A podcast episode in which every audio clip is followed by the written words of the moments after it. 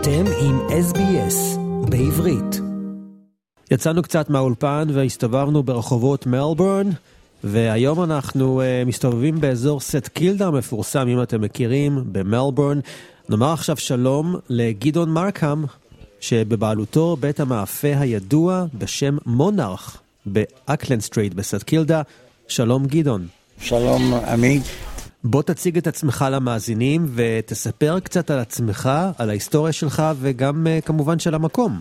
השם שלי גילון, ואני um, הגעתי לאוסטרליה ב-63, באתי, באתי לכאן ללמוד אדריכלות באוניברסיטת מלבון, והייתי שם שש שנים, מ-63 עד 68, וגמרתי אה, אדריכלות, התחלתי לעבוד במשרד אה, אחד המפורסמים במלבון, ומזה עברתי לעבודה עצמית, אה, קבלנות בתכנון של בתים, בתי מגורים, ובשנת 96 גמרתי עם זה, ובמקרה מצאתי מקום שהיה מעניין מאוד, נראה מעניין, והתחלתי איתו, וזה הבית קפה, מאפייה של עוגות, קוראים לה מונארך, באקלנד סטריט בסט קילדה. וכל מי שמגיע לרחוב הזה מיד יזהה את החנות עם כל העוגות הנפלאות שמוצגות בחלון, וגם הרבה מפורסמים שהגיעו לפה, נכון? הרבה מאוד. המקום הזה מוכר לא רק באוסטרליה, לא רק לכל אוסטרליה, גם באסיה, באמריקה, יש לנו פה uh, כתבה מניו יורק טיימס, ויש הרבה מאוד אנשים שבאים לכאן שהם מאוד ידועים במקצועות, uh, בפוליטיקה, בקולנוע, בספורט. גדעון, לפני שהגעת לאוסטרליה, אתה גרת בישראל, שאלה הגעת אחרי מלחמת העולם השנייה, והיית בן 11. תספר לנו קצת על ה... אני מאמין 13 שנה שהיית בישראל. ה-13 שנה שהייתי בישראל לפני שבאתי לאוסטרליה, um, היו uh, שנים של um, שינוי גדול בסייקי שלי. כשהגעתי לארץ, uh, הייתי uh, בגיל 11 וחצי, ואפילו פחדתי מהצל שלי. והחיים בקיבוץ והצבא שינה את זה לגמרי.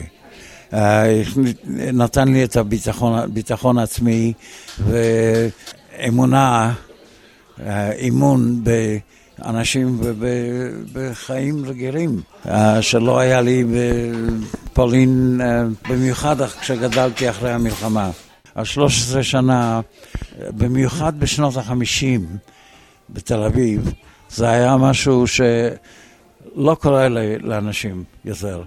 זה היה זמן, בשנות ה-50 היה זמן, קשה לה אפילו לתאר את זה. החיים בתל אביב, לאף אחד לא היו, לא היו נכסים, כל אחד גר בדירה קטנה, כולם נהנו, היו ניצולי שואה, כולם, הרבה, נהנו מהחיים, הלכו לבתי קפה, לא נסעו לחוץ לארץ, לא, לא היו להם מכוניות, זהו, וזה זה הזיכרון של זה אה, אצלי בלב. החודשים האחרונים היו מאוד קשים בשבילי, כי um, אני לא רציתי לעזוב את ישראל. בזמנים ההם, uh, מי שנקרא יורד, uh, הרגיש מאוד לא בנוח, וזו uh, הייתה החלטה מאוד מאוד קשה בשבילי, uh, לעזוב את כל המשפחה ואת כל החברים שלי ולעבור לקצה העולם. אחרי, אחרי הצבא, נסעתי עם חבר שלי, שאנחנו עוד ידידים טובים מאוד, uh, לאנגליה. Uh, קיבלנו שם מקום באוניברסיטת לידס בצפון אנגליה, אבל מכיוון שהשחרור שלנו לא יצא לנו בדיוק בזמן, היינו שלושה שבועות באיחור. Uh, כשהגענו ללידס, אז הם לא נתנו, לא היה להם מקום בשבילנו כבר, ואז נשארנו את השנה ללמוד uh, באנגליה. הציע לי קרוב שהיה לי, היה באוסטרליה, אז הוא בא לאנגליה לפגוש אותי והוא הציע לי שאני אבוא למל, למלבורן ללמוד, אם אני כבר מחכה לזה עד שנה הבאה, אז um, זו הייתה ההחלטה שלי לבוא למלבורן. הוא אמר לי שיהיה קל מאוד לקבל סטיפנדיה באוניברסיטה, וככה זה קרה. תגיד, ידעת משהו על אוסטרליה? לא ידעתי הרבה על אוסטרליה, לא ידעתי הרבה על אוסטרליה. חשבתי אפילו שאוסטרליה זה, יש לנו קנגורוז, הולכים ברחובות הראשיים בעיר, ולא לא ידעתי הרבה על אוסטרליה. איך היו החודשים הראשונים פה? החודשים הראשונים באוסטרליה uh, לא היו קלים כי הייתי צריך ישר ללכת לאוניברסיטה. אני הגעתי בינואר ובפברואר, בסוף פברואר כבר היה שבוע שעשו לנו להכיר את האוניברסיטה ואז התחילו, התחילו הלימודים. היה לי פה כאילו דוד, למעשה הוא היה הבן של אה, האח של הסבא שלי. כשאני באתי, אה, באתי לכאן, לא הייתה המטרה שלי להישאר פה. המטרה שלי הייתה ללמוד. זה היה בשנת 63. אה, אחרי חודשיים פה הכרתי בחורה באוניברסיטה, והיתר זה, זה סיפור שלם. אנחנו ביחד כבר 60 אה, שנה כמעט, אה, נשואים 57. והיא מקומית, בחורה יהודית ממוצא פולני, נולדה פה. ככה זה נעשה שאני נשארתי פה. איך הסתגלת? איך למדת את השפה? איך הכרת אנשים? מה עשית?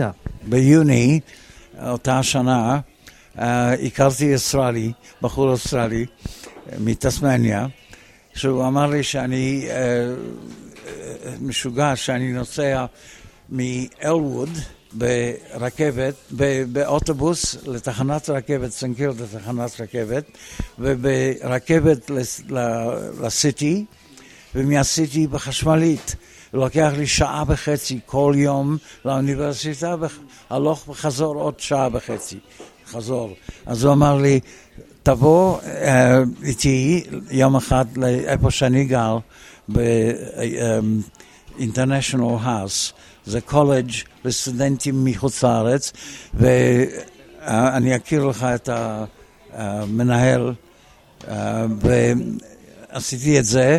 כשהוא שמע שאני ישראלי, אז הוא אמר לי, אני מצא לך מקום, אני אפילו אפטר מישהו מפה, שתהיה לי, שיהיה לי הדגל של ישראל, יחד עם 24 אחרים. היו פה הרבה ישראלים אז? לא, לפניי, לפניי באוניברסיטה היה בן אדם אחד. אני לא חושב שהוא בחיים עוד, הוא עשה, הוא עשה ארכיטקטורה לפניי. פרופסור של האוניברסיטה בא אליי ישר ביום ראשון שהייתי שם, שמע שאני ישראלי, אז הוא אומר לי שהוא היה, היה בבאר שבע עם, ה, עם הצבא האנגלי. והוא אמר לי, הוא אמר לי שהיה שם רוח, הייתה שם רוח נוראה, קראו לזה חמסין. הוא אמר לי, ואתה יודע מה זה, זה בערבית 40. אז אני אמרתי לעצמי, או-או, אני לא אגיד לה שזה חמישים, שזה חמישים. הוא אמר לי שזה ארבעים.